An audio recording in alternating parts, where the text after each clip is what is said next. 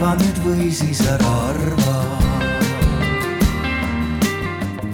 Tere päevast, tere tulemast kõigile siia kogukonna alale kuulama arutelu äh, ja osalema arutelul äh, teema, mille teemaks on, äh, kes on strateegiline partner riigile. mina olen Sigrid Solnik, selle arutelu moderaator. Või, või tegelikult ma olen siin sellises naljakas topeltrollis, kus, kus ühelt poolt ma olen sotsiaalsest ettevõttest Speaksmart ja, ja juhin seda arutelu nii-öelda algusest meeldiva lõpuni, kus, kus, kus me saame välja käia või kõik panelistid saavad välja käia oma kogemustel põhinevad õppetunnid strateegilise partnerluse teemal. Aga samas ma vahepeal panen pähe äh, oma teise mütsi ja, ja muutun antropoloogiks, kes on äh, aastast kaks tuhat üheksateist erinevatel ajahetkedel erinevate ministeeriumite juures vaadanud sisse strateegilise partnerluse olukorda, ähm, uurinud nende, ütleme siis positiivsete ja negatiivsete külgede kohta et, äh, et, et sellised rollivahetused toimuvad siin ja, ja ma võib-olla alguses võtan natuke rohkem sõna, kui üks äh, moderaator seda tavaliselt teeb. et siis teid on ette hoiatatud kõiki. Aga siin lava peal on, on neli inimest, kes oma igapäevases professionaalses elus puutuvad strateegilise partnerlusega ähm, erinevat, erineval viisil kokku äh, ja nende ja nende õlgadel siis on selle arutelu nii-öelda põhiraskus. et meil on siin äh, Susanna Veevo, kes on arengukoostöö ümarlaua juht, tere. nii, kõik otsivad mikrofonid ka välja. ülesse, äh, jah, tere minu poolt ka. siis meil on Kadi Metsandi, välisministeeriumi arengukoostöö büroo juht. tere hommikust või päevast õigemini. on Kristin Parts, Eesti Väitlusseltsi juht. tere Äh, ja on Kristi Vinter-Nemvalts, kes on äh, Haridus-Teadusministeeriumi kantsler. tervist. vot ja, ja ma hetke pärast annan teile sõna, et, et ma enne ähm, ar äh, arutelu korraldaja Vabaühenduste Liit palus mul anda sellise lühikese ülevaate, et, et kui me siin kevadel Äh, haridus-teadusministeeriumi ja sotsiaalministeeriumi ametnike ja partneritega vestlesin stratpartnerluse teemal, et, et mis siis välja tuli, et millised need läbivad teemad ja sõlmpunktid olid. ja, ja võib-olla noh, definitsiooni mõttes, et panna see mänguplats paika, et, et strateegiline partnerlus on koostöövorm mis, mis tähendab avaliku sektori asutuse ja vabaühenduse püsivat koostööd probleemide kaardistamisel, arengueesmärkide seadmisel, lahenduste leidmisel, otsuste tegemisel ja, ja tähendab ka ühiste eesmärkide elluviimist. ja, ja strateegiline partnerlus on oluline ka nii-öelda vabaühenduste võimestamiseks ähm,. sellepärast, et see tagab pikemaajalise koostöösuhte ja, ja sellega kaasneb stabiilsem rahastus, on ju. et see on sihuke noh, kui, kui proovida defineerida, et mis see stratpartnerlus on. ja see ongi hästi huvitav, et definitsioonis see on äh, sihuke puhas asi, kui vaadata nagu äh, praktikaid, mis, mis seal põllu peal toimub, siis, äh, siis selle katusmõiste strateegiline partnerluse alla kuuluvad siuksed klassikalised tegevustoetused. kuuluvad võib-olla teenuste delegeerimised või noh, ostmised, kus, kus vabaühendus teeb väga kindlalt, pakub on ju mingit teenust, mida, mida riik ise ei tee.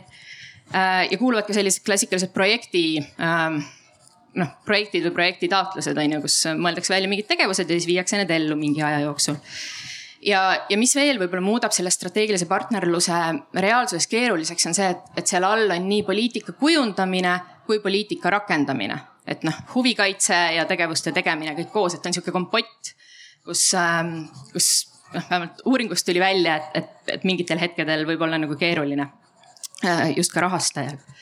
ja, ja kui me mõtleme, et ähm, selle partnerluse strateegiline osa, et äh, et riik ootab, on ju, et, et ühendused panustaks eesmärkide elluviimisse ja võimestaks riigi tegevusi mingitel teemadel. ühendused teiselt poolt äh, ootavad, et riik väga selgelt või äh, noh, ministeeriumid kommunikeeriks siis oma nägemuse või et mis need prioriteedid on. ja jällegi, et see tundub nagu äh, teoorias hästi lihtne, praktikas jällegi on see, et et noh, näiteks arengukavast lähtumine ei pruugi olla piisavalt nagu kitsas, sest arengukavad üldiselt on üldsõnalised, sinna alla sa võid igasuguseid asju kirjutada, siis tekib küsimus, et okei okay,, et aga, aga kus meil see prioriteetsus nüüd siin, noh, kuhu me siis selle prioriteedi seame või et on, on keeruline kokku panna seda, mida riik tahab ja see, seda, mida vabaühendused ise tegelikult teha tahavad, on ju. et, et leida see selline kesktee ähm, hästi palju selles uuringus oli juttu tehnilistest aspektidest, et noh, milline on see taotlusprotsess äh,, Äh, see hindamine, mis siis pärast juhtub, kui, kui on otsus ära tehtud. ja äh, ühenduste poolt äh, on ootus protsessi läbipaistvusele ja lihtsusele. et noh, siin taustaks on see, et et võib-olla kunagi need rahastusviisid olid siuksed, et sa pidid ise hästi palju vaeva nägema, et okei okay,, et mis raha saab, kust saab, mis hetkel ma pean taotlema, et, et selline nagu nagu segadus või hägu, et, et oodatakse, et see, et kui on strateegiline partnerlus ja riik nagu otsib endale partnereid, et oleks hästi selge.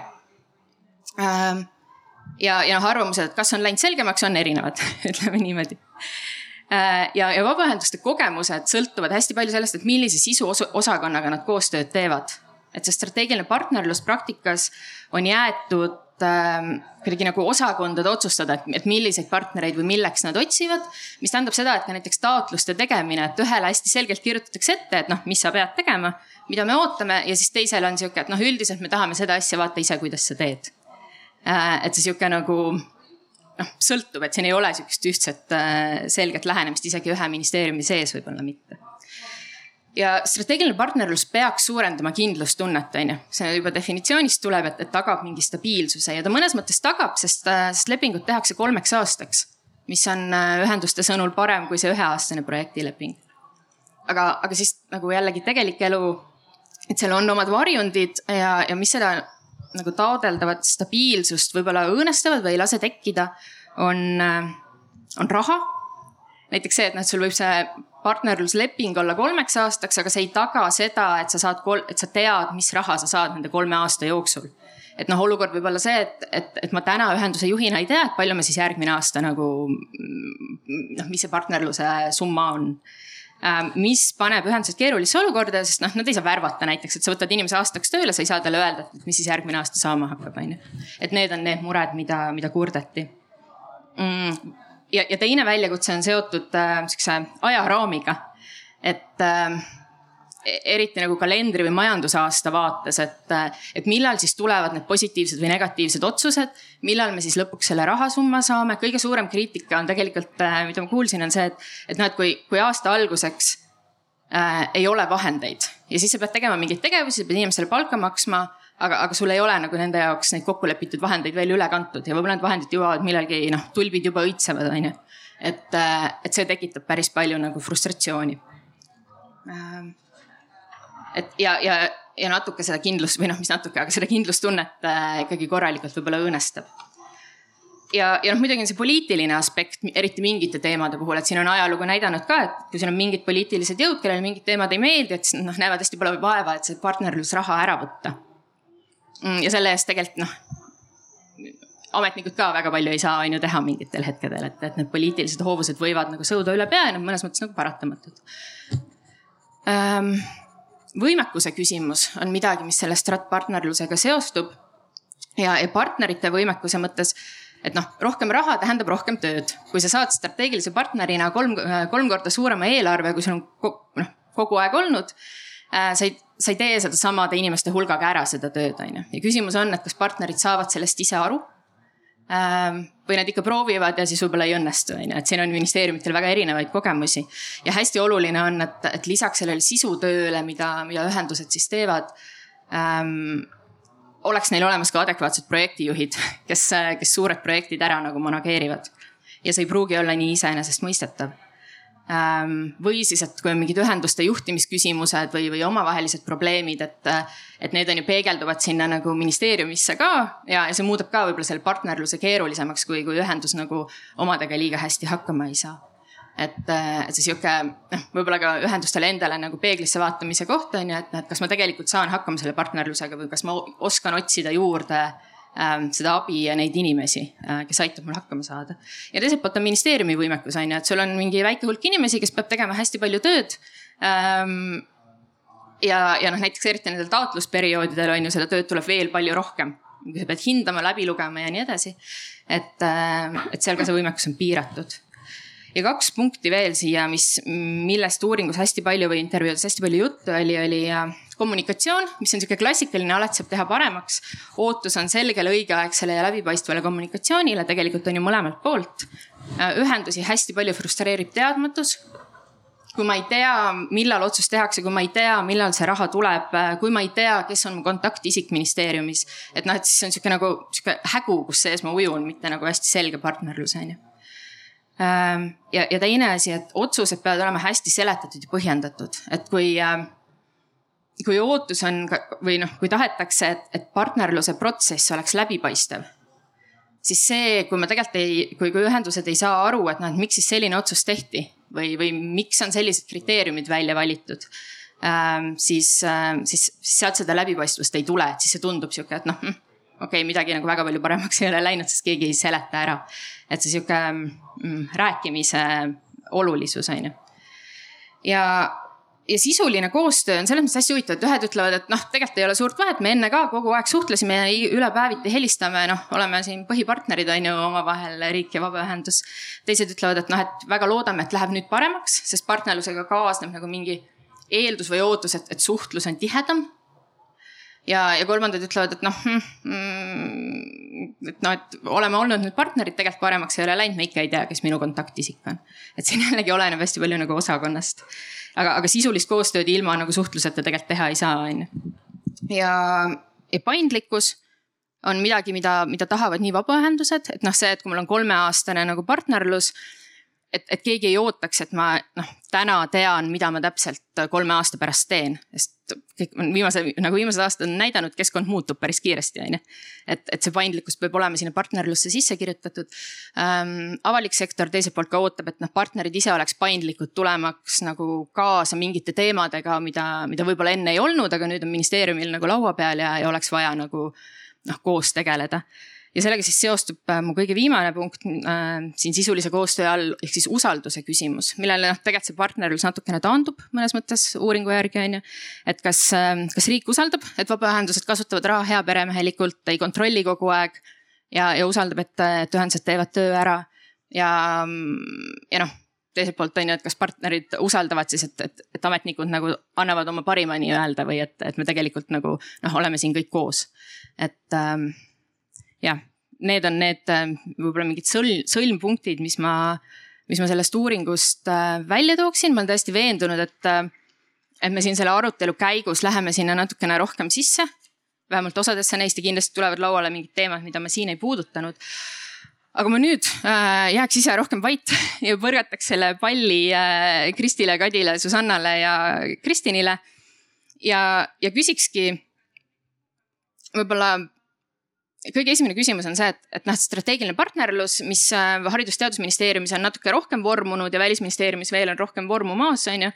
nagu ma, nagu ma siin e-, eeltööst olen aru saanud, et ähm, ja, ja ma oma sellest uuringu ülevaates on ju võib-olla viitasin nendele probleemi või, või murekohtadele natukene, aga ma, ma siin nagu noh, alustaks positiivselt, et küsimus on see, et mis on teie vaates olnud kõige suurem positiivne muutus või siis, et, et milline on peamine nagu muutus, mille poole te püüdlete, kui te seda stratpartnerlust nagu äh, siin planeerite.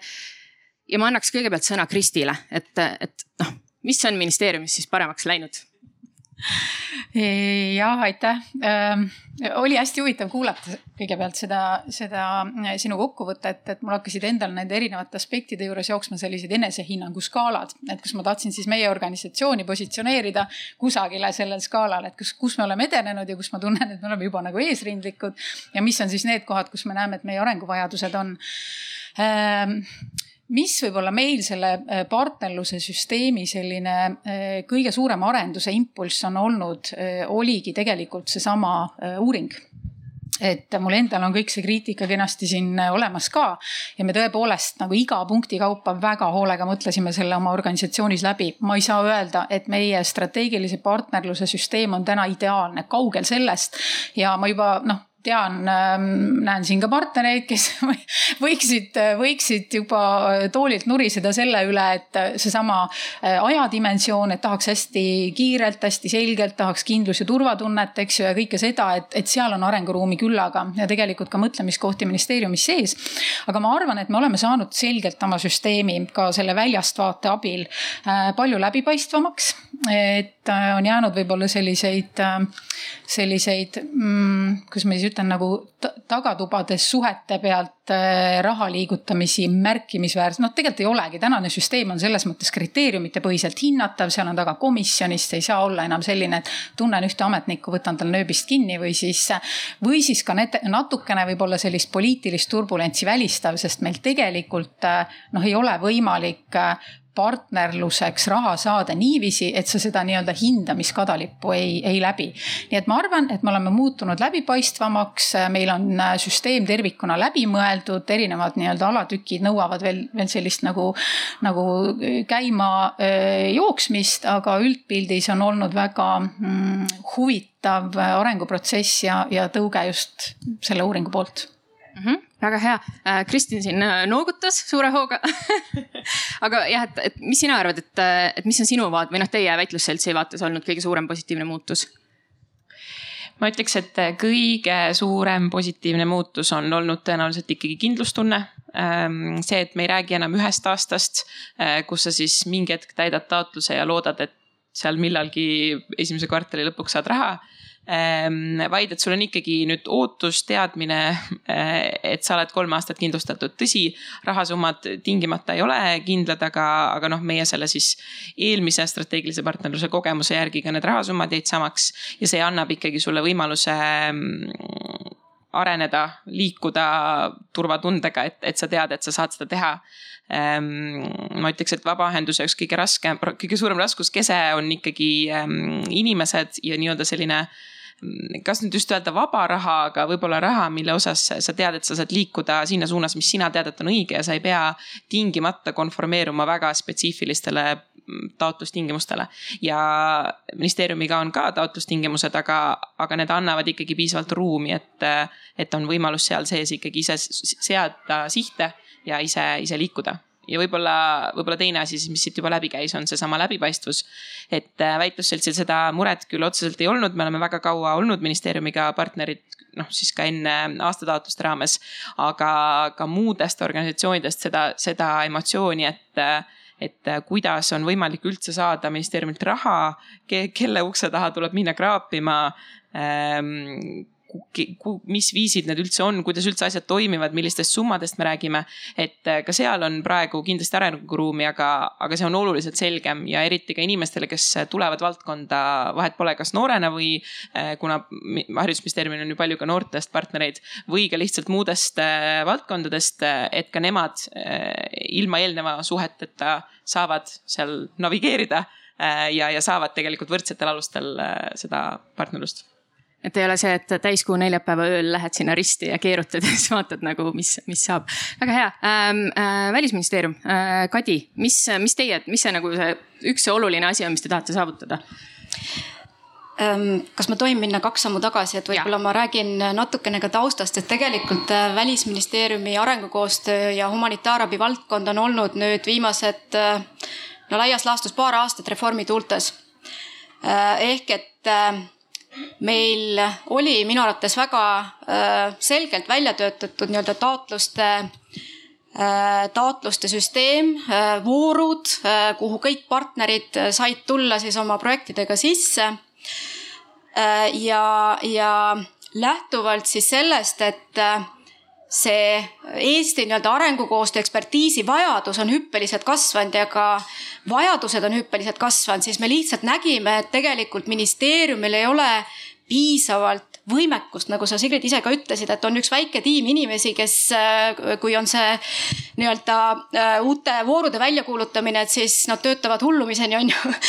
ja, ja me nägime, et tegelikult nii nagu ka teistel riikidel äh, on siis vajalik selline rakendusasutus luua, kes siis olekski kõigile nii-öelda rakenduspartneritele see üks vaheplatvorm ja, ja nüüd äh, siis äh, eelmisel aastal sai loodud Eesti Rahvusvahelise Arengukoostöö Keskus, mis on sihtasutus. ja, ja selle sihtasutusega siis äh, sai liidetud, liidetud Eesti Idapartnerluse Keskus.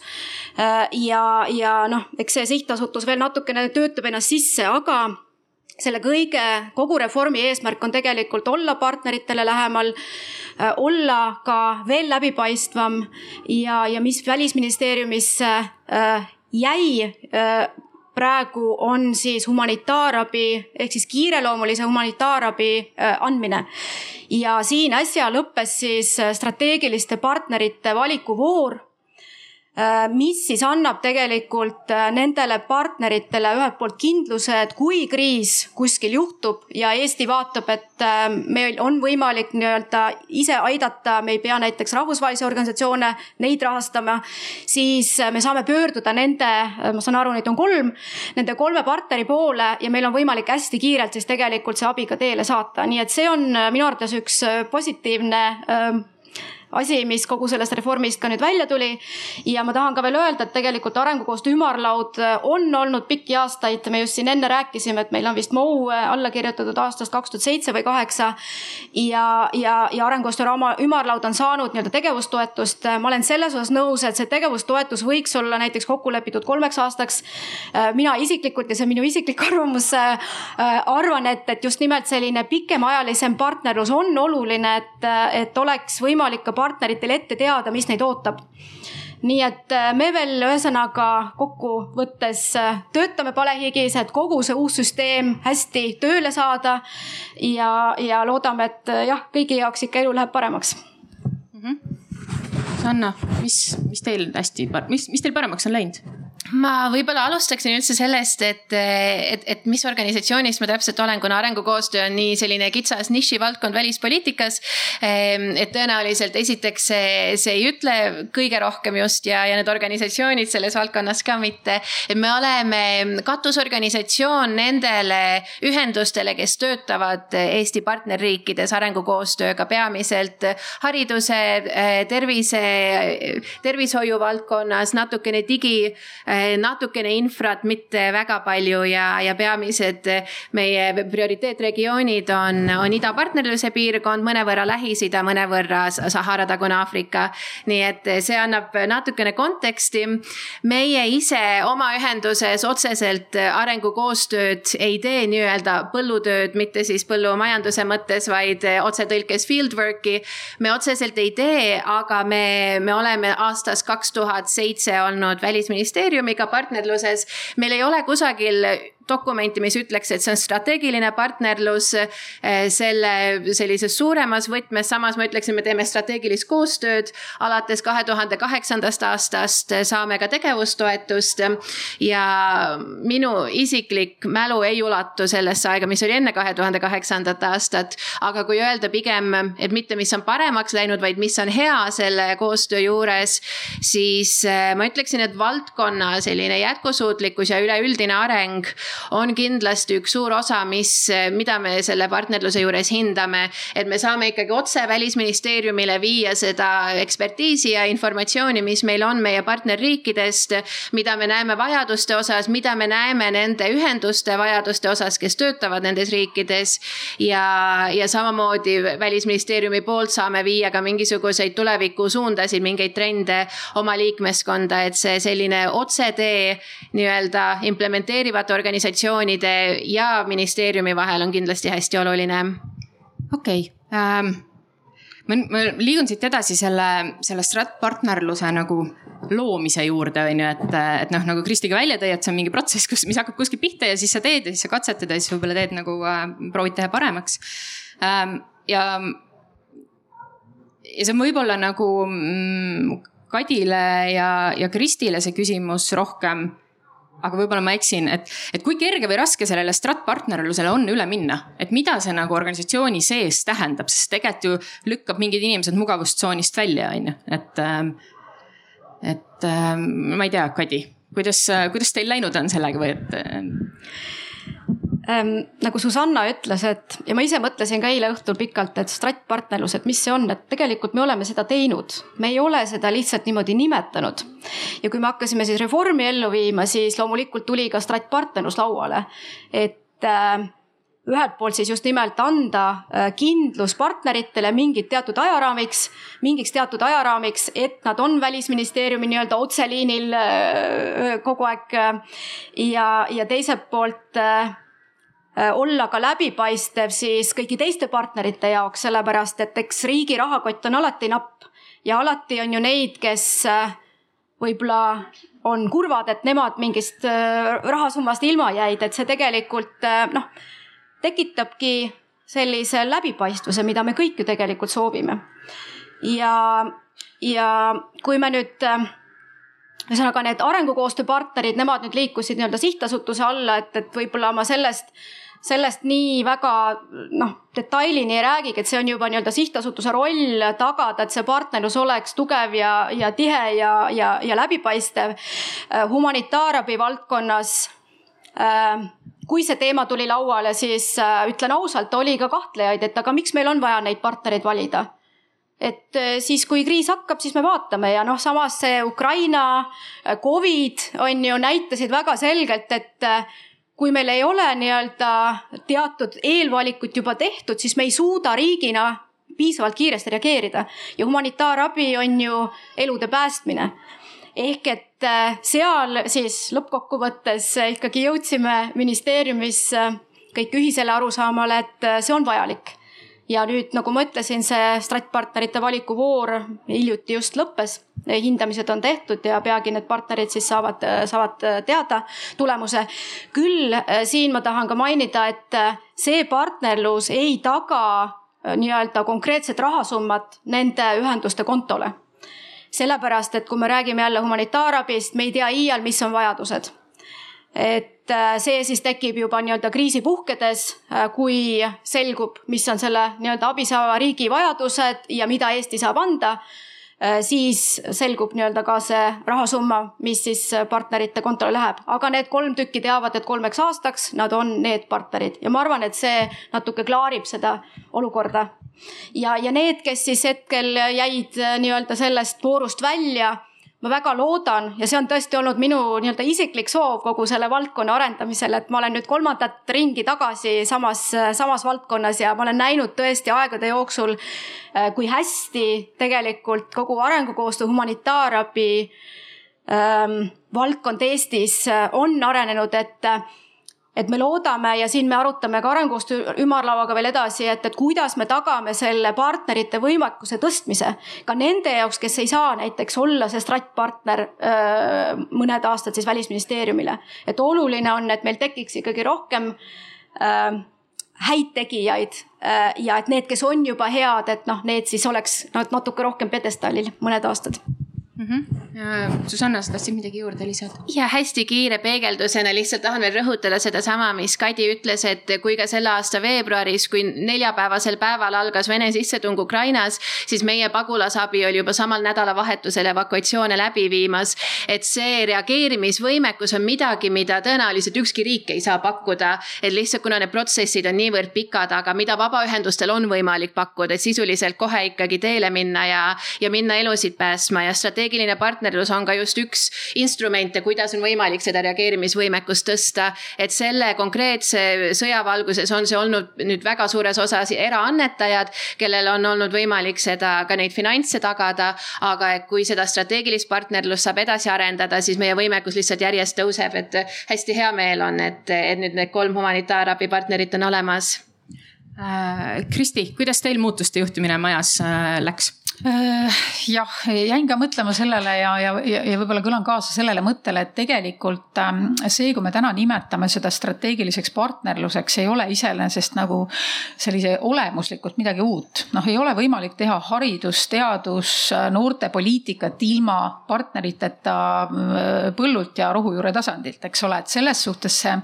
see partnerlus on alati olemas olnud, aga ta ei ole olnud võib-olla jah, sel moel nagu raamistatud, sel moel läbimõeldud seda sellist äh, ähmasust on olnud rohkem, et pigem ta on ühe protsessi nagu parem läbimõtlemine olnud ja selline struktureerimine, nii et äh, ma ei ütleks, et oleks kuidagi ministeeriumis sellist äh, noh, ebamõistlikku ärevust tekitanud, vastupidi, ma arvan, et meil on inimesed ise ka täna nagu palju paremas sellises äh, valmiduses sellega noh, süsteemselt ja, ja, ja, ja partneritega võib-olla veel enam kooskõlaliselt tegelema. nii et ei ole olnud keeruline.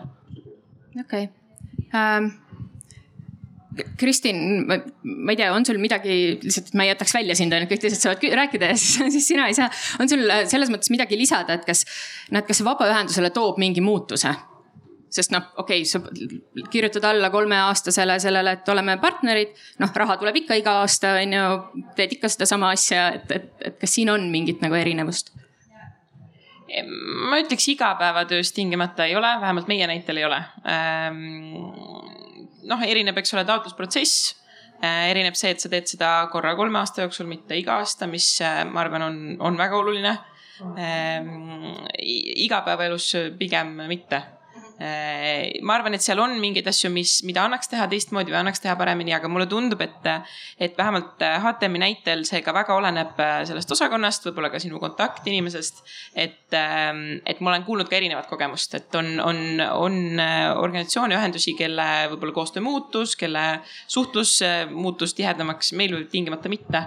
aga tõenäoliselt on ka erinevaid kogemusi okei okay,, sest, ähm, sest ise seda uuringut ka läbi viies ja, ja rääkides äh, kõikide nende nagu vabaühenduste esindajatega ähm,. ma olen nagu mõelnud, et noh, et kas tegelikult siin on mingi sisuline vahe või ei ole mingit sisulist vahet, noh, et jah, et taot-, noh, tehnilistes asjades kindlasti on vahe, on ju. aga, aga just, et, et noh, kasvõi nagu, kas see on tunnetuslikult siis erinev või, või kuidagi. mul hästi hägune on see küsimus, aga võib-olla saate oma mõttest aru. ma võib-olla lisaks nii palju, et ma arvan, et seal on selline idealistlik kontseptuaalne erisus et sa ei ole lihtsalt ähm, selline aastane sutsakas, kes võib ära kaduda, võib tulla vaid, äh, vaid ikkagi sinu tööd justkui väärtustatakse. ma ei ole sada protsenti kindel, et ma teen hommikul arvuti lahti ja siis mõtlen selle peale, et vot kui hea, et ministeerium mind täna ikka väärtustab. aga ma arvan, et seal on nagu mingisugune, mingisugune taustamoment, et, et seal on äh, mingi idee, et sa lihtsalt ei tee seda asja ja keegi on märganud, et sa teed seda juba viimased kakskümmend aastat, järelikult anname natuke raha. vaid et, et sa teed mingit olulist asja, mida, mida nähakse ja sellest tulenevalt ähm, sind hinnatakse, et, et vot sina kui organisatsioon saad teha seda kõige paremini paremini ja sellepärast äh, me oleme partnerluses, mitte lihtsalt, et me anname raha siis, kui me anname. Kristi. ja mul lihtsalt tekkis see mõte, et ilmselt see on see emotsionaalne väärtus ja tegelikult ka see, et kui me näiteks mõtleme Haridus-Teadusministeeriumi sellist strateegilise planeerimise protsessi, siis ähm, kui see meie selline kolme aasta planeerimine või ütleme aasta planeerimine tegelikult oli varasemalt pigem selline nagu hästi ministeeriumi keskne, siis täna äh, strateegilise partnerluse vaates on meil seal nendes, äh, kuidas ma ütlen, plaanitulpades nagu väga olulisel kohal tegelikult ka strateegilised partnerid, meie asutused ja just nimelt selles võtmes, et äh, meie meie elu ju suunab meie, me, suunavad meie strateegiad. noh, meie ministeeriumil on need päris mitu, mida me ellu viime oma partneritega koostöös. ja, ja, ja täiesti õige on see, et kuna strateegiaperiood on sedavõrd pikk siis see kõik on nagu hästi suur ja hästi üldine, et meil tuli valida välja sealt need nii-öelda fookusteemad, kus me tahame kolme aastaga siis teatava arengunihke saavutada. ja päris kindlasti jääb seal ministeeriumi jõust väheks, ehk et me oleme laiendanud siis seda ka meie strateegilistele partneritele, nad toimetavad meie nii-öelda prioriteetidega koos, nende prioriteetide ees seistes ja sedavõrd on nad meil palju enam ka ministeeriumis nagu kogu aeg sellise planeerimise kõrval. Äh, tegevuste puhul tulevad nad meelde, sest me ei saa sellest nii-öelda, kui rääkida hästi-hästi mehaaniliselt sellest tulbast mööda, et nemad aitavad neid suuri asju äh, ellu viia, nii et äh, jah, ma arvan küll, et seal on mingi teatav emotsionaalne väärtus, aga, aga võib-olla, võib-olla siis rohkem nagu pildile saamine ja ma kajan ka tegelikult sama asja, et tõesti kui me nüüd ütleme välja, et teatud organisatsioonid on strateegilised partnerid, see tähendab, et mingi protsess nende valikuks on juba tehtud. ja, ja noh, kui me vaatame välisministeeriumi, kus meil on väga tihe rotatsioon, igal aastal kolleegid muutuvad, tulevad uued ja neil tekib sama küsimus, aga miks me selle organisatsiooniga koostööd teeme. ja siis on võimalik tegelikult jällegi väga läbipaistvalt öelda, et vot äh, siis oli see nii-öelda valik, see on nüüd meie partner ja, ja tegelikult jällegi on selgus majas mm. -hmm on sul, sa, ei pea midagi ütlema, et me ei pea tegema nii, et kõik räägivad aga kui sa tahad midagi lisada, et mis see sisuline erinevus on? ma tegelikult tahtsin vaikselt hoopis Urmole viidata. jah, okei okay. um,. aitäh sulle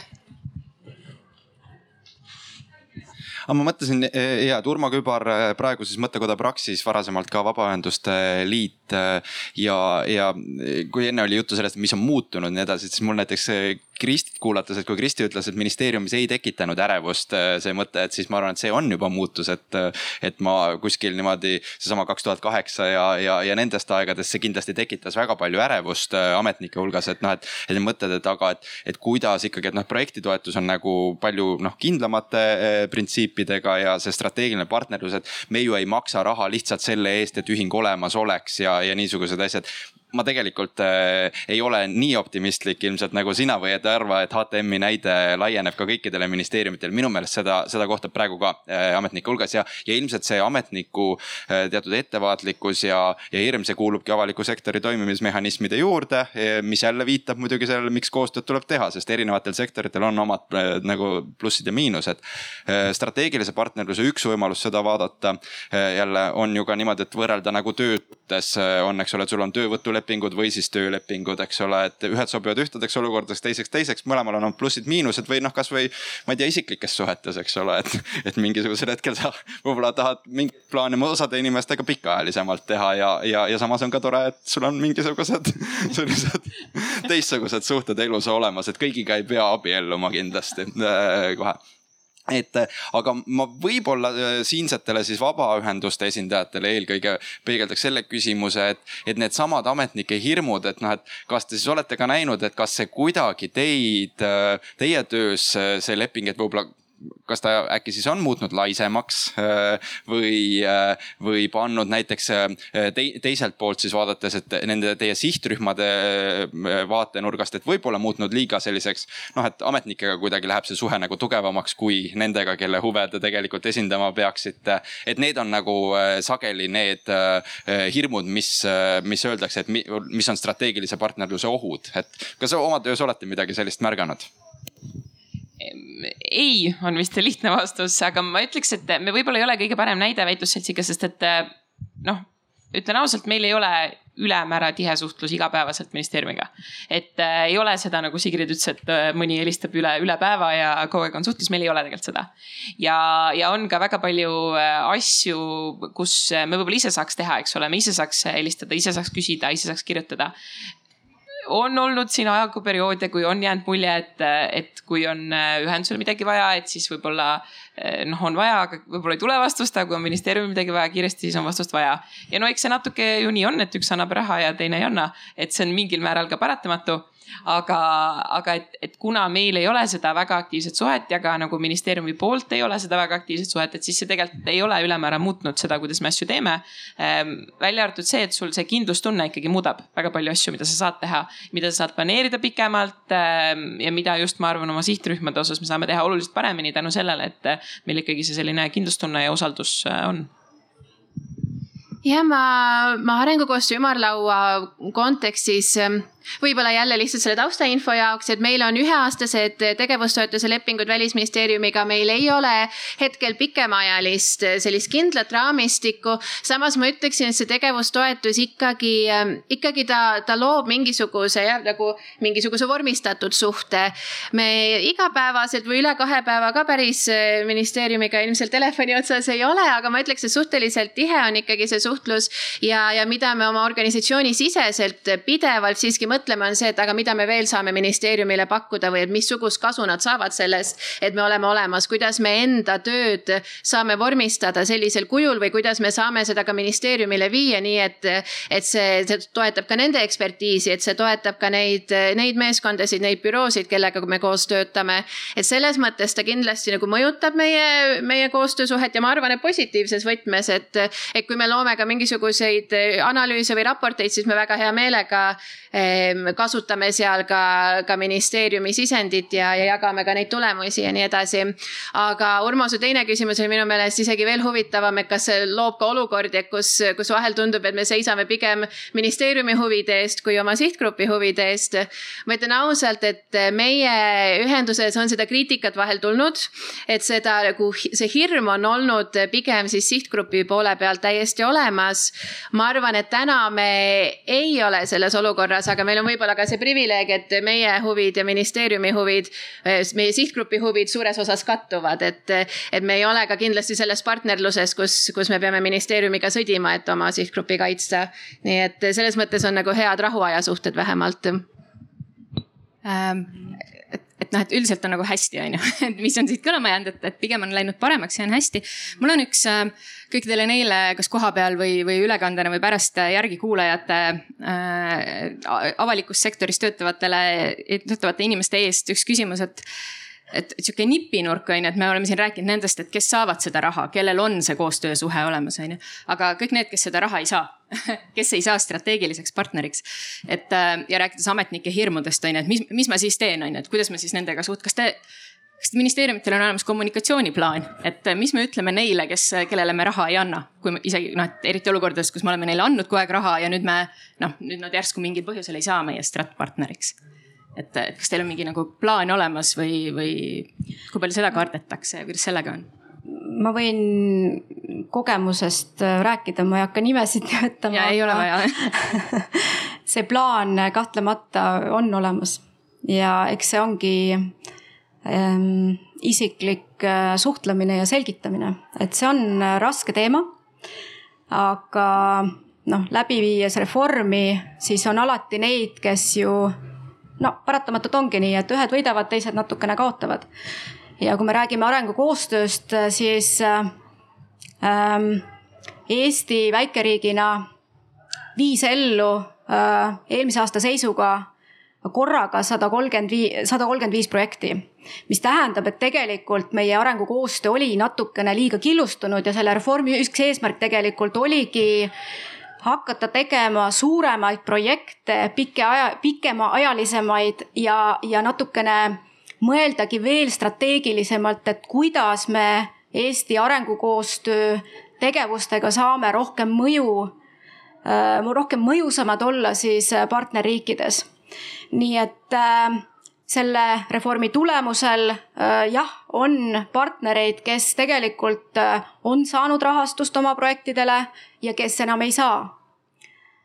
ja siin ma olen täiesti nõus, et see kommunikatsioon äh, võiks olla kindlasti ka veel parem, et eks me kõik õpime nii-öelda protsessi käigus, aga üks konkreetne partner, kes ei, kes ei ole vabaühendus otseselt, aga kes oli siis nii-öelda saanud välisministeeriumilt, ma ei tea, viis aastat tegevustoetust äh, ja siis sellest aastast enam ei saa. Äh, endiselt me tegelikult äh, jätkame nii-öelda strateegiliste partneritena, aga see organisatsioon ei saa tegevustoetust. ja see selgitamine loomulikult vajas nii-öelda mahaistumist konkreetselt selle organisatsiooni juhtidega ja, ja, ja noh, edasi-tagasi selgitamist ja me oleme endiselt nii-öelda partnerid ja sõbrad ja, ja noh, sellel organisatsioonil tegelikult läheb ka tänaseks väga hästi, et, et nad tegelikult seda tegevustoetust ei vajagi Kristi, mis sinu, sinu nipid on? Eh, jah, ma jäin ka mõtlema, et ega sellist universaalset kommunikatsioonimustrit nagunii ei saagi olla, kui tegelikult me ju hindame neid ähm, taotlusi vastu kriteeriume ja seal tuleb alati selgitada ja põhjendada ikkagi nagu partnerile, partneriks pürgijale individuaalselt neid asju, need on alati hästi rasked vestlused hästi,. hästi-hästi raske tagasisidestamine, aga, aga aga jah, selles mõttes äh, see, mida me saame nagu avaliku kommunikatsiooni mõttes paremini teha, on loomulikult äh, kõikide selle kogem-, kogu selle kogemuse pealt, mis on meil nüüd selle arendusega, selle kevadise äh, partnerite valimise protsessiga saadud, et meie, ma ei tea, veebileht oleks seal väga hästi kaasajastatud, et see, see kõik saab loomulikult toimuma, aga see mm, tagasisidestamise nii-öelda akt peab olema ilmselgelt individuaalne alati nende partnerite suunal. ja oli ka seekord. Mhm. okei, ma jäin nüüd siin mõtlema, et, et see strateegiline partnerlus äh, et noh, et mõnes mõttes seda on ju kogu aeg tehtud, on ju. et siis on, et, et, et kas saab olla strateegiline partnerlus nii, et, et sa partner oled, aga raha ei anna, on ju, et siin võib-olla peaks need, kas need kaks poolt tegelikult peaks nagu koos käima. noh, Kadi näitel on ju noh, sa just tõid selle näite, et noh, raha enam ei saanud, aga, aga suhtlete ikka. ma selgitan juurde, et tegevustoetust ei saa, aga ühe konkreetse projekti elluviimise, ehk see on üks konverentsi korraldamine okay, just okay., et nad ikkagi jah, saavad. okei okay,, okei okay. okei okay., ja siis äh, mul on siin üks sihuke äh, pikk küsimus ja ka sihuke nipinurga küsimus, et noh, just, et neile, kes, kes ka seda, seda protsessi nagu äh, oma ministeeriumis või, või haldusalas teevad. et Vabaühenduste Liidu äh, strateegilise partnerluse juhendi järgi on, ongi sellel stratpartnerlusel kõige rohkem sarnasust tegevustoetusega, on ju, et äh, eesmärgid lepime kokku, aga noh, muidu on suht sihuke vaba kava ja, ja võimekust ka nagu peaks aitama tõsta äh,. praktikas on ju, on siis seal nii seda tegevustoetust kui äh, teenuse tellimist või noh, delegeerimist kui, äh, kui sihukest projekti asja, et tehke mingeid üritusi selle raha eest. ja, ja sama, samamoodi on ju päriselus segunevad poliitika kujundamine ja poliitika rakendamine. kuidas teile tundub praktikutena, et, et kas seda segadust on vaja lahendada ja kui on vaja lahendada või ta laheneb orgaaniliselt ise, et siis kuidas seda segadust lahendada? kas oli enam-vähem arusaadav see pikk küsimus? jah, Kristin võib-olla siis selle taotleja perspektiivist. Ma arvan, et ei ole tingimata segadus. Võib-olla viimases, eks ole, HTM-i taotlusvoorus, kui tuli see poliitika kujundamine ja poliitika rakendamine, noh siis alguses tõesti oli segadust, mis, kes, kus, millal, kuidas ma saan, mis rahad tulevad, millega kaasa ja nii edasi, aga ma arvan, see on selline võib-olla kasvuvalu või et, et paratamatu küll aga ma arvan see, et, et on erinevad vormid, mida noh, siin ka Urmo, eks ole, välja tõi, ma arvan, see on, see on igati okei okay.. väitlusselts eh, ka on teinud eh, mitu arengukoostööprojekti ja on saanud ka välisministeeriumilt raha ja, ja sellisel kujul projekti raha saada on, ma arvan, igati okei okay.. ei teki meil tunnet, et tahaks olla strateegiline partner ka välisministeeriumiga, et meile soovib siin haridusministeerium hästi. Ehm, küll aga ma arvan, et, et oluline on, et on olemas ka see vorm, mida sa kirjeldasid, et eesmärgid lepime kokku, aga muidu on vaba kava. Ehm, kas nüüd just päris nii, aga ma arvan, et, et vabaühendusel on oluline, kui on selline vabaühendus et on olemas, on võimalik saada toetust, mis ikkagi aitab ka tegutseda mis ei aita täide viia ainult konkreetseid teenuseid, vaid aitab ka organisatsiooni ehitada, äh, aitab äh, organisatsiooni tööjõudu palgata niiviisi, et ma ei ole, et ma olen kindel, et ma saan teda ka ütleme aasta aja pärast hoida. sest et see on see, mis aitab organisatsioonil kasvada ja aitab neid samu eesmärke, mida, mida ju ministeerium justkui meie, meie täitmist ootab, neid samu täita efektiivsemalt ja kasvatada viise, kuidas organisatsioon saab töötada ja kuhu suundades liikuda ja võib-olla lihtsalt miinuskohana, mida ma enne ei jõudnud mainida, et mis võib-olla on natuke keerulisem, on see, et, et, et me küll tunneme, et läbipaistvus on, on kasvanud, aga et et, et kuidas ministeeriumile läheneda ja öelda, et me oleme teinud kakskümmend aastat ühte asja, aga, aga meie tegevus on nüüd laienenud ja me tahaksime saada rohkem raha ja, või teistest allikatest raha et see, selles osas me ei ole tegelikult täna kindlad, kuidas seda teha.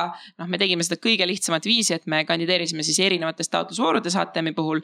saime sealt, kus me eeldasime ja lootsime, et me saime, ei saanud sealt, kus me tunneme, et täna me teeksime võib-olla, et isegi väärtuslikumat tööd, aga me kas ei osanud seda seal taotlusvormis väljendada või siis natuke on ka see tunne, et, et mingid rahad võib-olla olid mitte just määratud, aga paratamatult raha on ju piiratud ja kõigile ei saa ju anda. aga et kuidas me ennast eristame või kuidas me näitame, et näed, et varem te ei teadnud, et me seda teeme, aga nüüd me teeme ja me teeme seda hästi. et kuidas me viime selle sõnumi ministeeriumile, võib-olla see taotlusvorm jääb nagu piiratuks no nippi, et kas te enne käisite ministeeriumiga kohtumas, et selgitada, et te teete nüüd laiemalt tegevusi, enne kui hakkasite taotlema?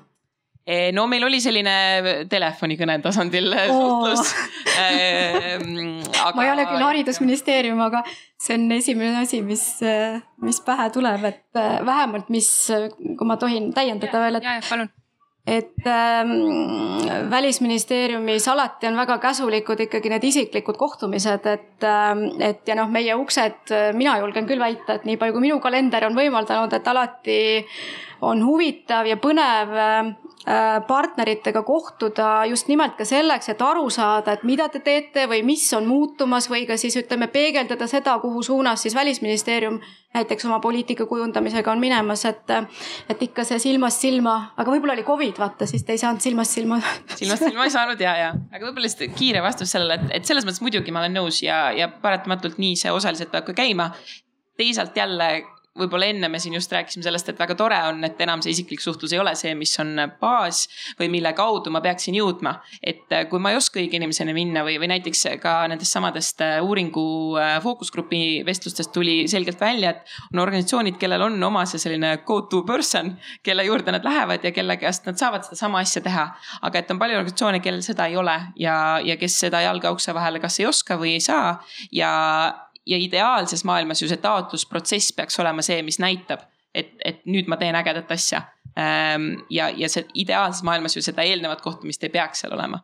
Äh, või vähemalt see võiks olla siis kõigile kuidagi avatud mm. -hmm. Kristi. ja ma, ma kindlasti kõlan sellele kaasa, et, et tingimata ei pea olema seal vahel ka isiklikud kontaktid, aga, aga võib-olla see on ka natukene see taotlemise teema, et noh, et, et ühest vaatest alati tundub, et et noh, see uus, mida me algatame, et noh et meie vaates on ta, on ta selline nagu kindel teema, et me tahame sellega tegeleda, me tahame sellega edasi liikuda, aga võib-olla ministeeriumi vaates on natukene vaja nagu mingit sellist nii-öelda tõestamise momenti. et noh, näidake midagi veidike ette, on ju, ja teete hästi või teete paremini kui teised, kellel on näiteks rada juba sisse sõidetud, et no see on jälle see sihukene ametniku mõtlemine, et, et, et, et mingit kindlust peab olema avaliku raha nii-öelda jagamisel, eks. aga nipinurgast rääkides lihtsalt mul tekkis siia kõrvale see mõte ka, mida me kogesime. me kogesime seda, et väga pikaaegsed ministeeriumi partnerid, et nii mõnelgi puhul olid tegelikult mu head kolleegid hindamisega hädas, et oli tunne, et mindi mütsiga lööma. et noh, nagunii see raha on meile garanteeritud ja oli kohutavalt keeruline tegelikult, kui me nüüd panime vastu,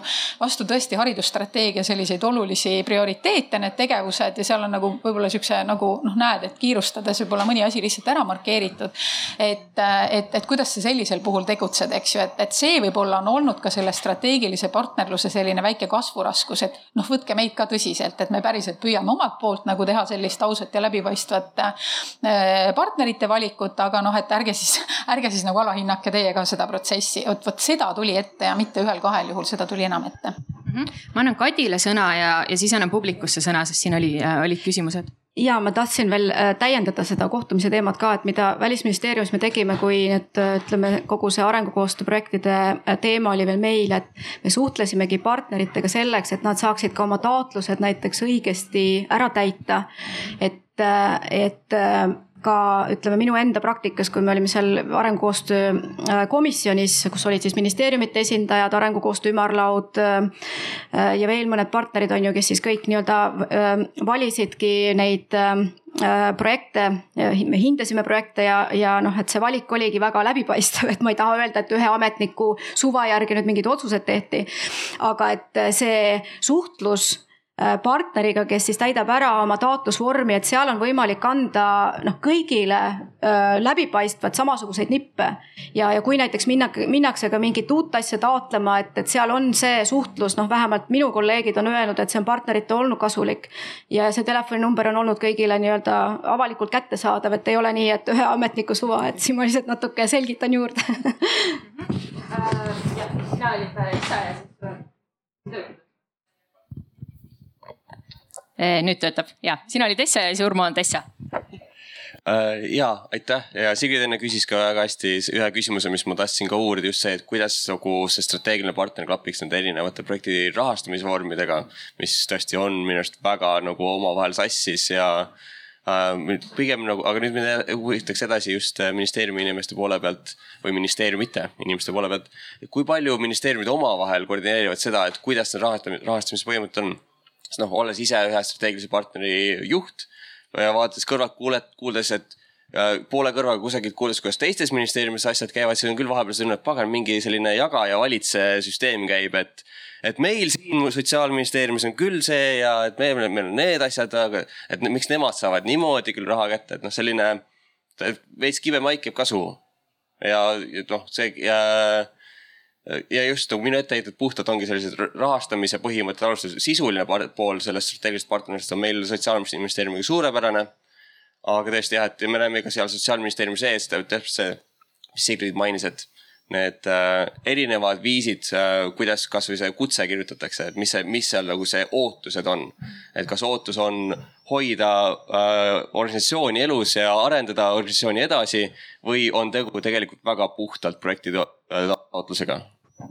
-hmm. kui palju te siis suhtlete?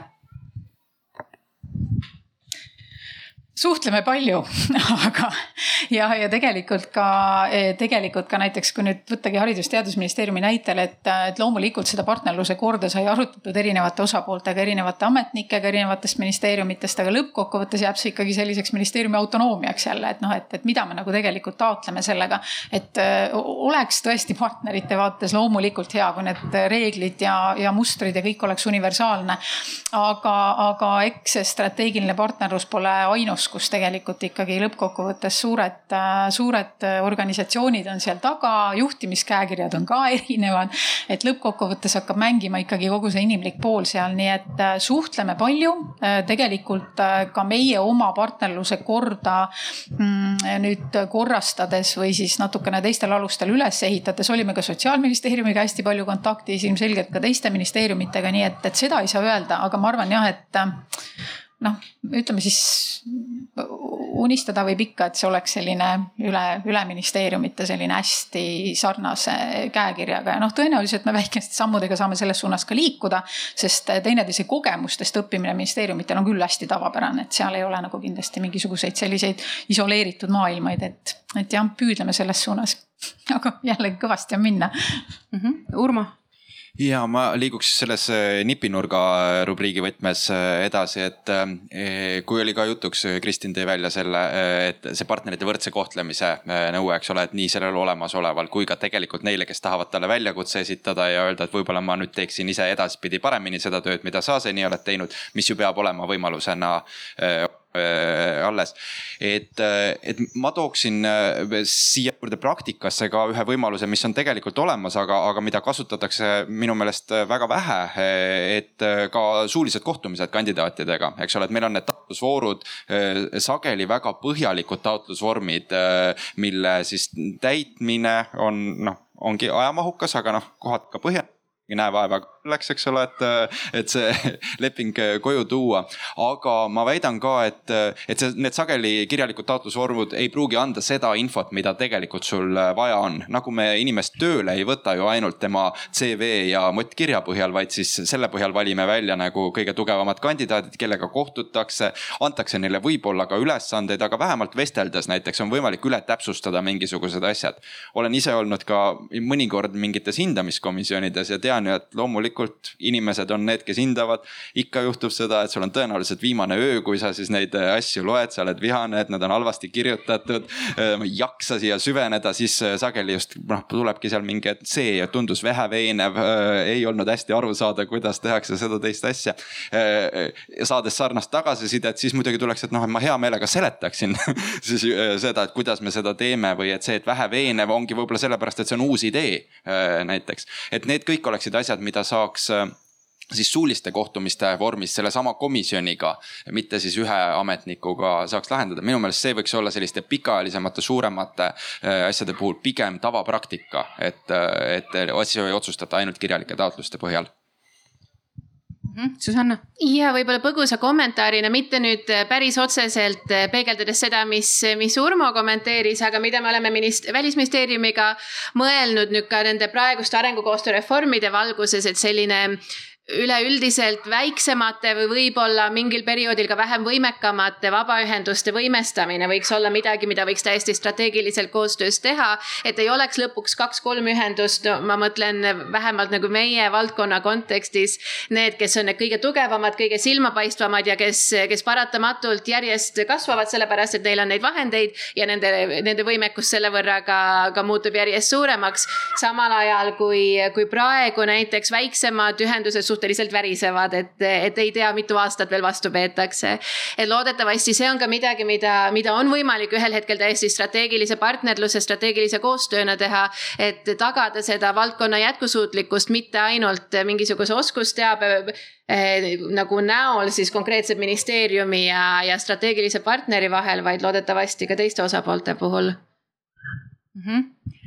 Um ja, ja see järelkasv tuli uuringus ka nagu mitmes kohas välja, et, et kuidas siis teha niimoodi, et et head ei saaks ainult paremaks ja siis ülejäänud lihtsalt jääks kuhugi kiratsema nii-öelda. aga ma tahaks siit äh, me oleme siin põgusalt puudutanud erinevaid väljakutseid, on ju, mis selle, selle strat partner või noh, neid probleemikohti, mis selle strat partnerile järjest täna on. nagu see, kuidas Kristin kirjutas, et noh, kastist on väga raske välja saada, on ju, et kui sa oled pandud sinna teie väitlete kasti, on ju, et kuidas siis öelda, et noh, me teeme muid asju ka. Või, või see isiklik suhtlus ja telefonikõned versus äh, ausat ähm, või noh, nagu eh, sihuke taotlusprotsess on ju, millele Urmo pakkus ühe lahenduse siin välja. või see mütsiga löömine on ju, mida Kristi ütles, mis on seesama, et ma olen siin kakskümmend aastat seda raha saanud, noh suva, nad teavad mind küll, on ju, et äh, tuleb jälle või noh, selline nagu suhtumine. et äh, ja ma siit küsiks tegelikult publiku käest, et äh, kellel teil on nagu see koostöökogemus või, või ise sellega kokku puutute, et, et mis on veel täna need keerulised kohad äh, või, või need rasked kohad, mida tuleks lahendada? on kellelgi mõni mõte, kui teil ei ole, on ju, et siis neil kindlasti on. aga, aga ma kõigepealt küsiks siit ka ja võib lihtsalt karjuda ja siis ma ütlen selle siia mikrofoni, et äh, järelvaatajad näevad või kuulevad ka äh,. Kai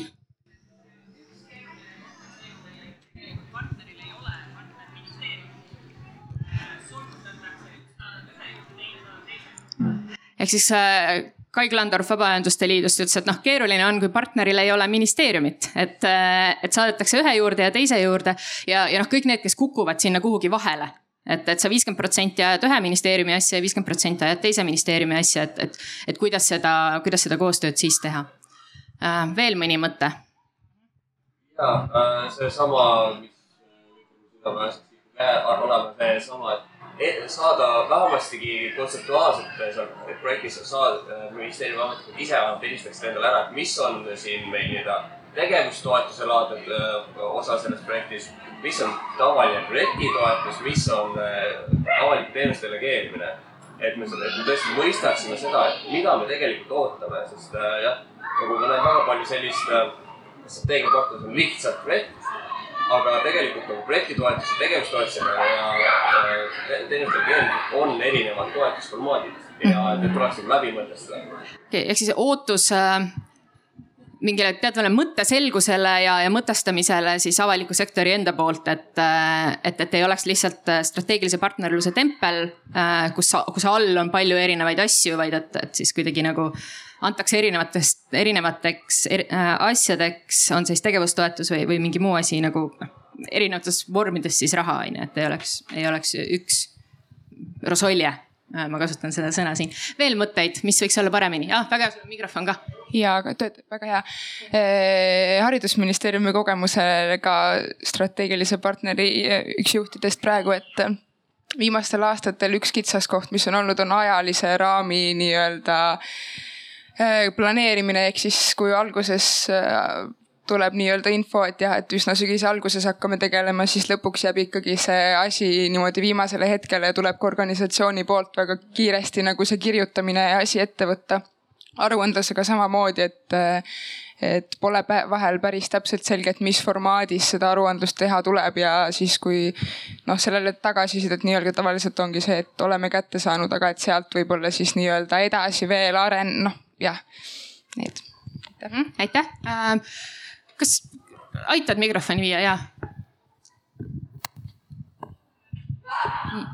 nii, mina Agu Lõius ja praegusel hetkel ühingust Kuldne Liiga püüan ka ühte strateegilist partnerlust siin käimas hoida ja üles ehitada.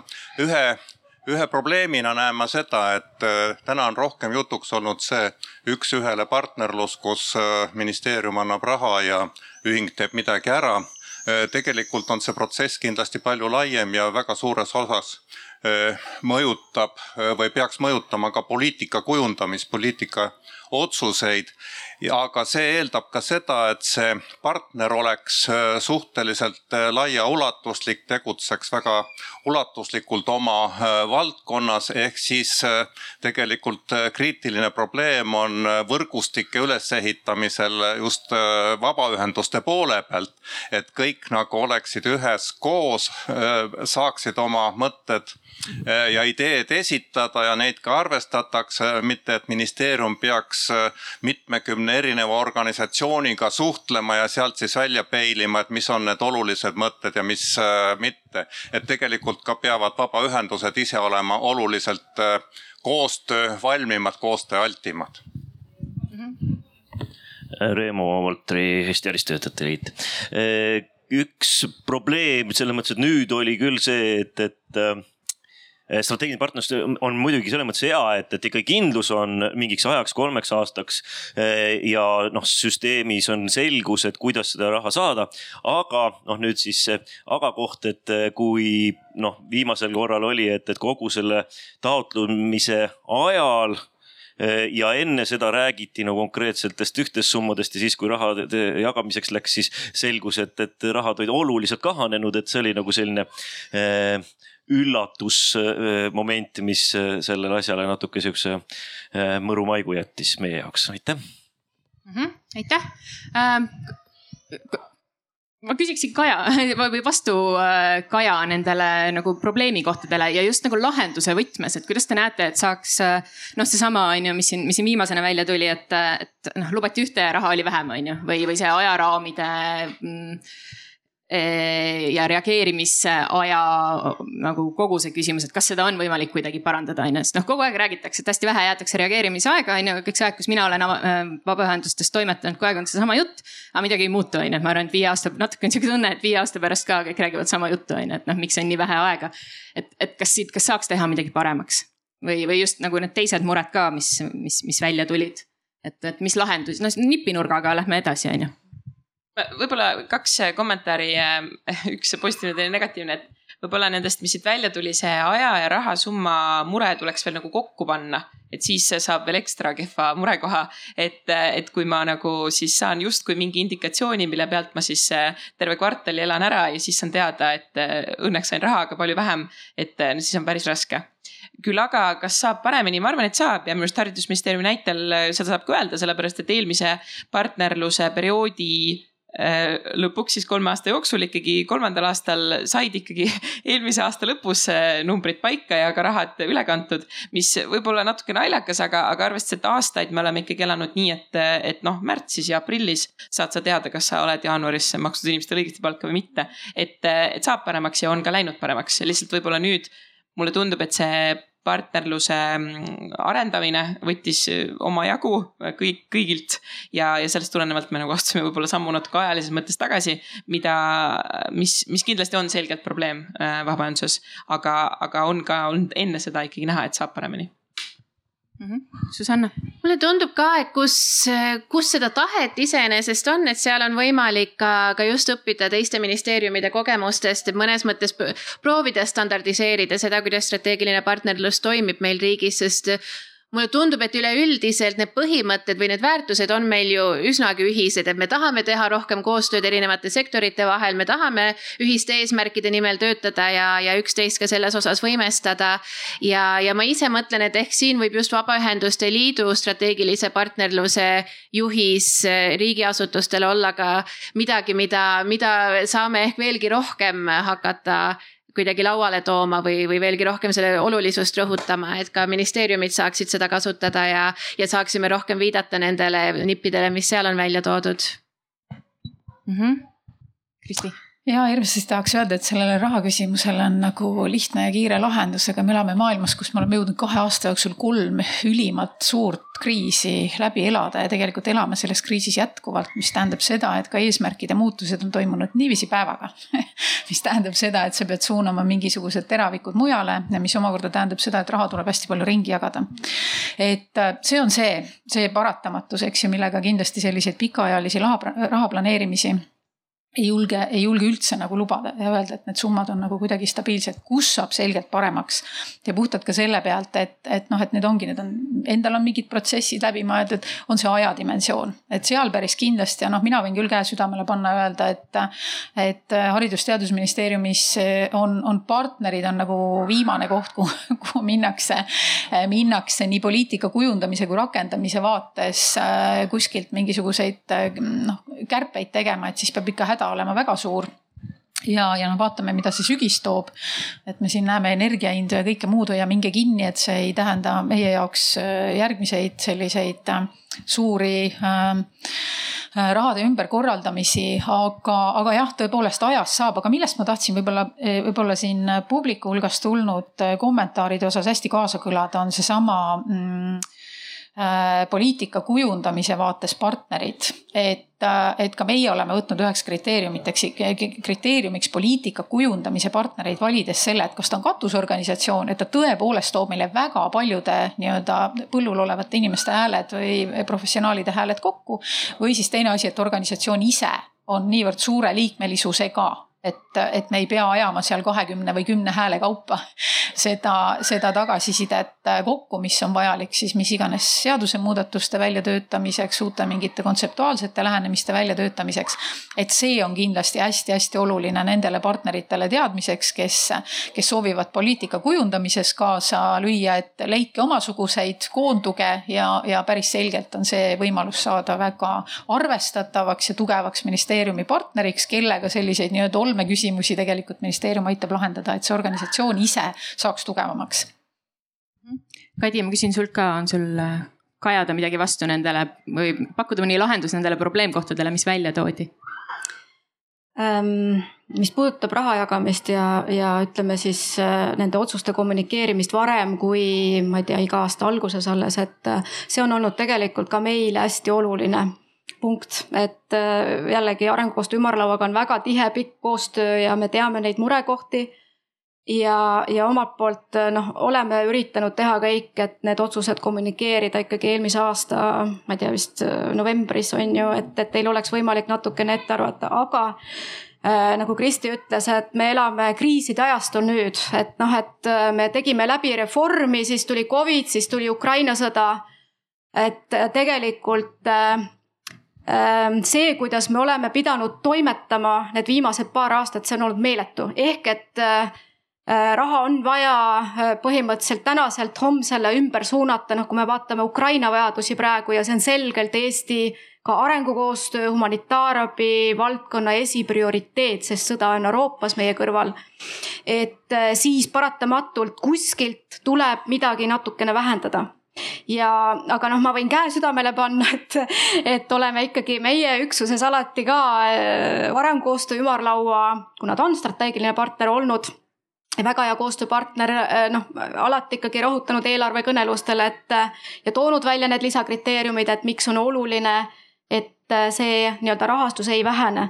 alati muidugi on soov rohkem saada ja, ja noh, eks need arutelud jätkuvadki kindlasti nüüd siin sügisperioodil äh, väga aktiivselt, et äh, ma tahaks tuua ka veel selle võimekuse teema välja, et äh, sina minu arvates rääkisid ka sellest, et, et on oluline, et me võimestame siis just nimelt läbi arengukoostöö ümarlaua arengukoostöö valdkonnas neid, kes ei ole veel tugevad, et nad saavad olla need stratpartnerid, et just nimelt see partnerite arv ikkagi tõuseks mitte ei kahaneks, sest vajadused on hästi suured mm. -hmm. ma nüüd järgmisena võtan kinni sellest äh, ideest, mida Agu, kes äh, ei taha öelda, lahkus meie seast, on ju, aga läks korraks sinnapoole äh, välja tõi äh, ja mida on ju ministeeriumid või noh, avalikus sektoris kogu aeg kuuleb, et issand jumal, vabaühendused, miks te siis ometi ei tee koostööd, on ju, et meil oleks nii palju lihtsam, kui te kuidagi suudaks, on ju, ennast kokku võtta ja midagi ühiselt teha ja siis me ei peaks eraldi mingi kahekümne viie organisatsiooniga suhtlema. ja põrgataks selle palli Susannale ja Kristinile, et äh, kuidas teile tundub, et kas on nagu noh mida siis oleks vabaühendustel vaja juurde, ütlen, see on natukene teine teema ähm, aga ta haakub selle stratpartnerlusega hästi tugevalt ja sellepärast ma siin korraks nagu peatun, et ähm, et noh, et kuidas seda saaks edendada, on ju, et, et, et see läheks, see koostööasi lihtsamalt. sest, sest ma saan aru, et siin ministeeriumid said hästi tugevalt eelmises stratpartnerluse voorus vastu näppe sellega, kui sunniti organisatsioone konsortsiumitesse öeldi, et teie peate koos tegema, on ju, ja noh, siis sellest ei tulnud midagi välja ja siis järgmine voor juba keegi ei sundinud kedagi kuhugi. et äh, aga et noh, kuidas saab, mis, mis on nagu täna puudu, mida peaks tegema? No mulle tundub, et mul on võib-olla lihtsam selles osas rääkida, sest katusorganisatsioonina niikuinii meil, meil on see nimekiri organisatsioone, keda me juba esindame niikuinii ja, ja kelle, kelle huve me saame ka ministeeriumi ees esindada. aga mida on vaja võib-olla selle jaoks, et me saaksime jätkuvalt seda teha ja, ja et me saaksime jätkuvalt koostööd teha kõikide nende võrgustiku liikmetega. on sisuliselt see võimekus või need ressursid, mille arvelt me ei pea mitte midagi muud tegema. ehk siis, kui nüüd nagu äh, rääkida täpselt täpsemalt. meil on täna strateegilise partnerluse või ütleme, välisministeeriumi tegevustoetuse osakaal on kusagil kolmkümmend, kakskümmend viis, kolmkümmend protsenti meie iga-aastasest eelarvest. mis tähendab, et kogu see ülejäänud ressurss, mis meile sisse tuleb, selle eest, selle jaoks me peame igasuguseid muid väljundeid välja mõtlema ja välja töötama. ja, ja see kohati ühest küljest hoiab meid alles, hoiab meid elus. teisest küljest see ei ole alati suunitletud just koostööle erinevate sektorite vahel. et kindlasti see on ka see koht, kus, kus mõnevõrra stabiilsemad ressursid saavad ka seda koostööd suurendada ja, ja seda veelgi mõtestatumaks muuta. ilma rahata ei juhtu midagi, Kristin ei no muidugi koostöö on, on oluline ja tähtis, ma jäin ka siin enne mõtlema, et, et et kellega siis väitlusselts peaks äh, koostööd tegema ja mis alal ja kuidas. et, äh, et projektide raames me ilmselgelt seda teeme ja eri, konkreetsete tegevuste raames. aga kui mõelda iseenda huvikaitsele, siis kindlasti on Eestis organisatsioone, aga, aga aga kuskilt maalt jookseb piir, on ju, et, et täna väitlusselts on organisatsioon, mis tegeleb äh, väitlusmetoodikaga peamiselt ainsana kriitilise mõtlemise arendajana. on organisatsioone, kes tegelevad ka kriitilise mõtlemisega, et seda on, aga kuskilt maalt jookseb piir ja, ja mulle tundub, et, et seal on ka väike selline nagu mm, moment, kus, kus koostöö osas on ka paratamatu, et needsamad organisatsioonid on ka konkurendid. ja, ja konkurendid on see siis ministeeriumi silmis võib-olla isegi vähem, aga, aga just ka muudes, muudes projektitaotlusvoorudes ja ja kuskilt maalt me ju arvame, et see, mida meie teeme, on väga oluline, me tahame, et me just, et me suudaks seda teha. Äh, need, need partnerid on ka toredad ja teevad teist asja väga hästi, aga, aga noh igas asjas me ei saa koostööd teha ja, ja ka võib-olla äh, väitlusseltsi mõttes, huvikaitse mõttes, seal on omad, omad piirid ähm,. aga kindlasti noh, koostöö iseenesest on tore, lihtsalt mitte koostöö koostöö pärast mm. -hmm. ja ja ma Kadilt ja Kristilt küsiks selle Kai poolt tõstatatud äh, küsimuse, et näed, mis siis, kui ma olen organisatsioon, kellel ei ole ministeeriumit, et kuidas? ja no ma tean, see on seesama silotorni teema on ju siin, et aga, aga et kuidas, kas, kas siin on, olete te näinud mõnda nagu juhtumit, kus see on võimalik või et kas seda nagu mida noh, näiteks, et, kui teie ministeeriumisse tuleb mõni nagu selline või noh, teil on mõni selline partner, et mis, et kuidas teie omalt poolt seda lahendate näiteks? Just hakkasin mõtlema, et kas on mingi konkreetne näide, sest äh, minul ei ole ausalt öelda kogemust olnud. kogemus olnud pigem see, et ühel organisatsioonil võib olla kaks koduministeeriumi. ja, ja näiteks, et ta saab siis mõlemalt poolt rahastust, et äh, ähm, jah, ma ei, ma ei oska rohkem sellele vastata, aga noh, küsimus tekkiski, et kui tal ei ole koduministeeriumi, et äh, et noh, need organisatsioonid on ju tegelikult ikkagi seotud mingi konkreetse valdkonnaga ja igal valdkonnal ikkagi peaks olema ka poliitika kujundamise mõttes ju ministeerium, et võib-olla ma ei saa, võib-olla mõni konkreetne näide. proovi näiteks Praxis. Praxis. Teie jaoks tuleb uus ministeerium luua maaelu, regionaalpoliitika -hmm., kodanikuühiskond või tegelikult ka mingid näiteks haridusteemad, mis äh, või sporditeema, mis on mõneti nagu haridus. sport on kultuur. kultuur on ju, noh noortesport no.. ma arvan, et siin tuleb lihtsalt äh, siis nagu välja sondeerida, et kes see koduministeerium nii-öelda ikkagi on, et, äh, et mingi seos ju peaks olema. või? Võib-olla ma saan valesti. Kai küsimus on ju, et, et kuidas siis nagu teha? ja ma pigem ikkagi ma nagu vastaks sellele küsimusele selliselt või, või, või, või tooks selle dimensiooni juurde, et me ei vaata praegu oma partnereid mitte niivõrd nende valdkondade kaupa, kuivõrd kuidas ja kui sisuka plaaniga nad adresseerivad meie strateegilisi eesmärke. ehk et see, see ei ole nii, et mul on valdkondlikult mingisugune partner kuskil põllul, kes siis justkui tegeleb äh, haridusvaldkonna või ma ei tea, keelevaldkonna teemadega, aga kui tema sihitab oma nii-öelda jõuõla ka nende strateegiliste eesmärkide taha, siis tere tulemast, ei ole küsimust mm. -hmm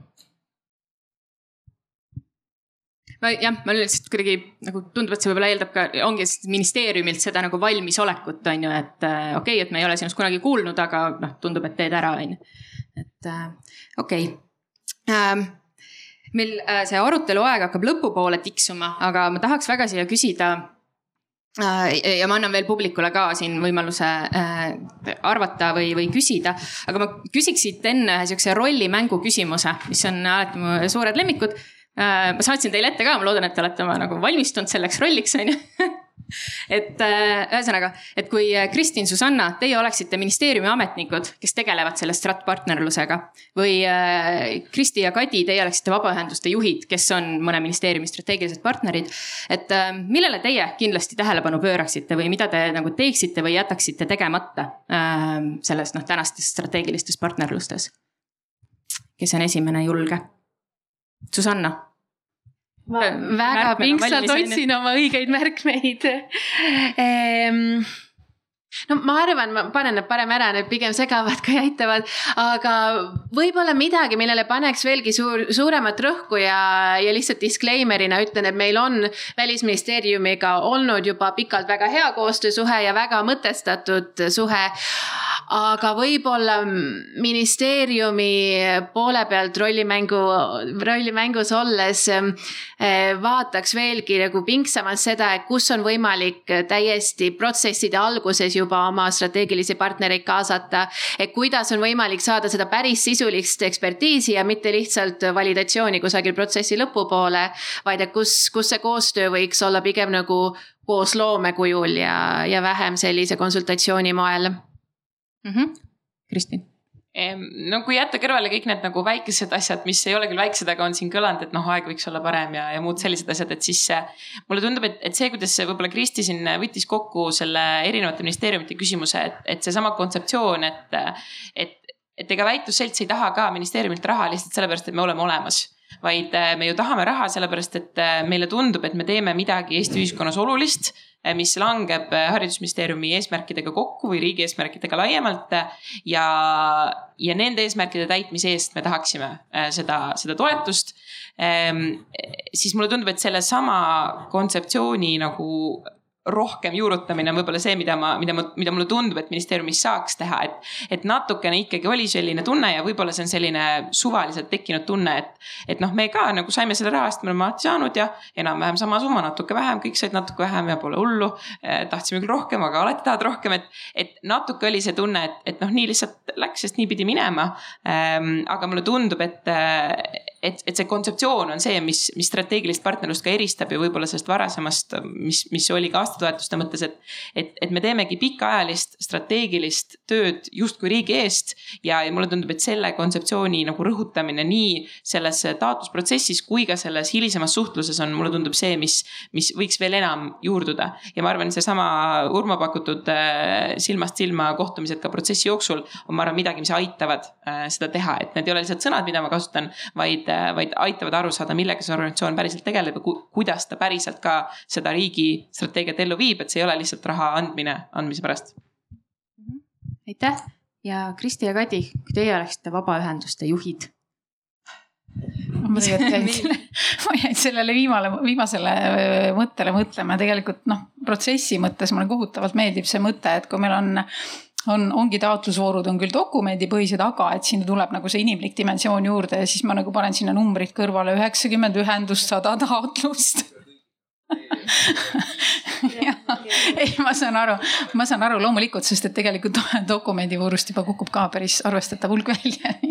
Ma olen nõus, aga, aga mida, mida ma teeksin, et noh, ma tegelikult võib-olla selle kevade kogemuse kitsaskohtade pealt olen tegelikult neid asju juba peegeldanud, et kui ma oleksin vabaühenduse juht, ma suhtuks hästi tõsiselt sellesse, sellesse taotlusprotsessi, mitte ainult selles võtmes, et, et ma äh, tagumisel tunnil sinna midagi paberile kirjutan või, või, või, või, või teele saadan. vaid ka selles mõttes, et ma tõepoolest ilmselt laseks ennast ka nõustada ja võib-olla noh jällegi see, et mitte, et ma peaks kuskil ametlikule naha vahele pugema, vaid, vaid, vaid püüdagi just, just Äh, tuua välja siis vastu neid, mis iganes kriteeriume, prioriteete. ma ei oska jah teiste ministeeriumite sellist äh, lähenemist praegu nii hästi kommenteerida, aga just selle oma äh, oma nagu eripära või mis on see minu kõige suurem tugevus, aitamaks ministeeriumi just nende oluliste strateegiliste eesmärkide nihutamisel siis selle tulemuse poole. ega ma muud paremat, paremat lahendust praegu välja pakkuda ei oska mm. -hmm. ja Kati kui mina oleks arengukoostöö ümarlaua juht, siis ähm, noh, hästi konkreetne asi, et me rääkisime, et koostöömemorandum on meil aastast kaks tuhat seitse või kaheksa. et äh, kohe, kui sügis äh, hakkab, siis ma läheksin ministeeriumisse ja pakuksin välja, et vaatame sellele memorandumile koos otsa ja uuendame seda lähtuvalt siis uuest olukorrast. Ja, ja see võib-olla siis aitab ka noh, jällegi äh,. ma ei saa tegelikult seda öelda välja, mida ma tahtsin öelda ütle pärast sõna ja. ma ütlen pärast sõna, ei, et äh, selles mõttes, et käia see strateegiline partnerlus nüüd värske pilguga üle ja tegelikult siis tuua äh, tõesti lauale need konkreetsed äh, eelarvevajadused ka, see ei tähenda, et rahastust saab, aga ma arvan, et see oleks nagu hästi tervitatav selline värske pilguga pealevaatamine, et me oleme nüüd selles vanas rasvas töötanud. Samas kogu aeg olnud paindlik, paindlikud on ju lähtuvalt uuest olukorrast, aga et teeme selle ära ja ja siis äh, muidugi uue ministriga kohtuma ja nii edasi, nii edasi. aga et üldiselt mõtestada uuesti ümber see, mida see strateegiline partnerlus tähendab meie. täiendada ja... seda olemasolevat mm -hmm. dokumenti, et tõesti sellest on kaua aega möödas. Susanna pani kalendrikutse teele, mulle tundub äh,. ma küsin, ja väga hea, sealt juba antakse märku, et on, et kas publikul on veel küsimusi või kommentaare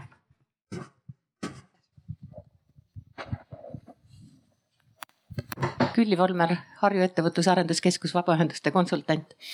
et äh, siit mulle jääb äkki üks selline märksõna, et nii ministeeriumid kui ka ühendused ise võiksid võib-olla vaadata horisontaalselt ja mitte karta oma teemadega siit käis väga hästi läbi, et oluline on see, mis on ministeeriumi põhieesmärk. oma teemadega strateegilises partnerluses kandideerida ka, ka mitmete ministeeriumite juurde. et meil kuidagi on võib-olla juurdunud see arvamus, et see üks on meie koduministeerium ja see ongi, et ta peaks siis nagu toetama kõiki meie tegevusi. siin oli hea näide Praxisest, kes on ju ülene Vabaühenduste Liit ise, kes väga paljusid teemasid ju, ju täna kodanikuühiskonna suunas toimetab ja ajab. ja, ja Külaliikuva Kodukant, kellel on ka kolm koduministeeriumi tegelikult. et äh, ma arvan, et see on ühenduste teema üsna palju, et nad mõtlevad, et see on üks ja siis peaks nagu kõik teemad sealt toetuse leidma, aga see on ka kindlasti ministeeriumid, kes ütlevad, et noh, kui sa juba siit saad, siis ei tea, kas me sulle ka anname. võib-olla mõtlemise koht, aitäh mm. -hmm, aitäh. veel äh, publiku viimane võimalus on ju, meil siin on äh, neli minutit veel rääkida, et siis äh, siin stratpartnerluse kommentaare või küsimusi? ei ole äh,? okei okay. äh,, siis ma küsin oma äh,. Ühesõnaga, et mul on tunne, et me oleme siit arutelust saanud sinna nipinurka on ju päris palju mõtteid, mida, mida inimesed äh, vahet ei ole, kas siis avalikust sektorist või, või kolmandast sektorist, äh, kes oma äh, strateegilist partnerlust äh, disainivad või koostöösuhteid proovivad nagu ümber mõtestada. Ähm, teemasid või, või ja ka mõningaid lahendusi, mida nagu läbi mõelda või, või välja pakkuda ähm, ma ja, ja siit ma küsin nagu lõpuringiks, annaks kõigile sõna, et mulle need oleks või need kooliteatri nagu äh, olukorrad ikka meeldivad, et kui sa nüüd kujutad ette et ühesõnaga, et sa oled oma ametikohalt lahkumas, on ju, näiteks Susanna. et äh, mis soovituse sa annaksid oma järglasele ähm, selleks, et, et sinu ühendus või siis te, äh, sinu nagu ministeerium oleks meeldiv ja konstruktiivne partner käimasolevate stratpartnerluste raames? Mis see soovitus, see üks soovitus ja see soovitus oleks siis äh, järgmisele vabaühenduse juhile. jah, noh ja., et, et kui Kadi kandideerib, on ju, et, äh, et mis ta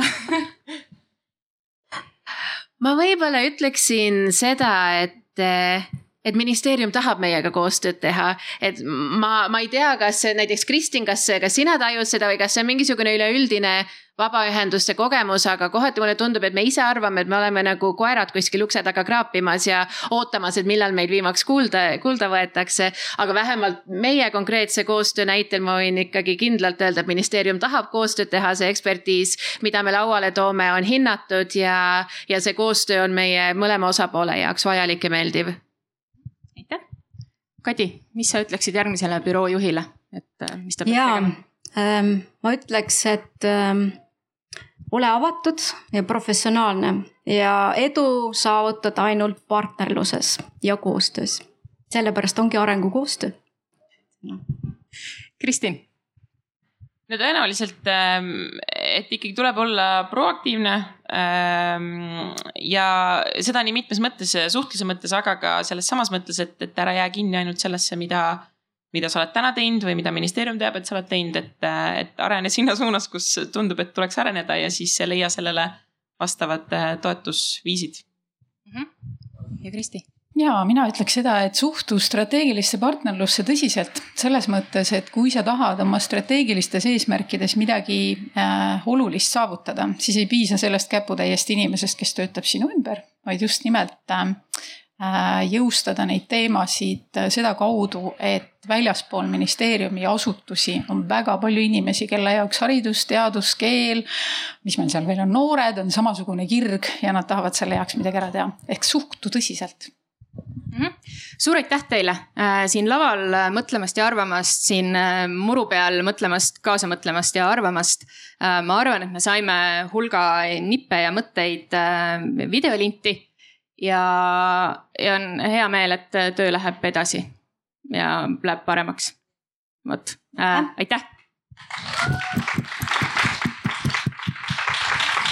selge see, et ega kõike teha